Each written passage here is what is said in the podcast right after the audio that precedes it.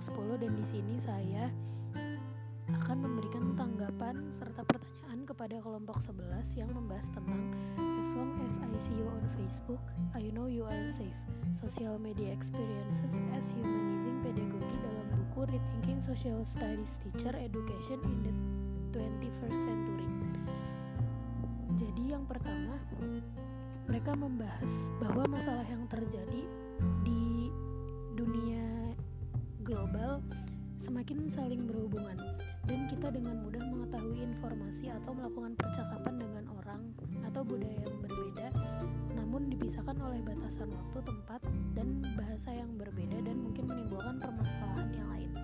Oleh karena itu pendidikan sosial bertanggung jawab untuk menjembatani uh, kesenjangan dalam permasalahan-permasalahan tersebut. Lalu teknologi membuat informasi lebih mudah ditemukan di mana pun, bukan hanya dari buku kita dapat menemukan informasi dari radio, televisi, komputer, dan internet. Uh, sekarang juga uh, kita dapat memperoleh informasi seperti itu. Dengan adanya kelimpahan informasi, maka tentu juga ada upaya untuk mengendalikannya baik dengan cara membuat standarisasi, spesialisasi, dan pemisahan pengetahuan serta disiplin ataupun dengan cara pembuatan kurikulum sekolah. Lalu muncullah media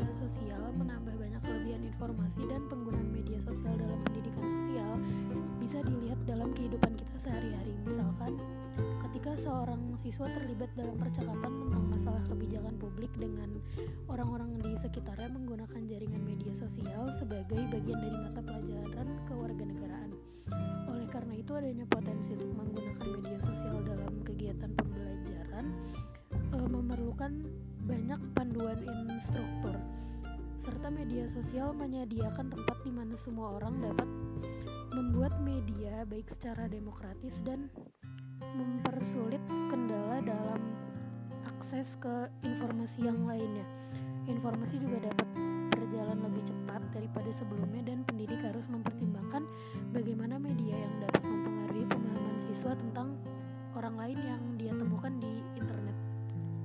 Jadi pertanyaan yang akan saya berikan kepada kelompok 11 adalah uh, bagaimana pengendalian media sosial bagi siswa oleh para pendidik serta apa kelebihan dan kekurangan yang dimiliki ketika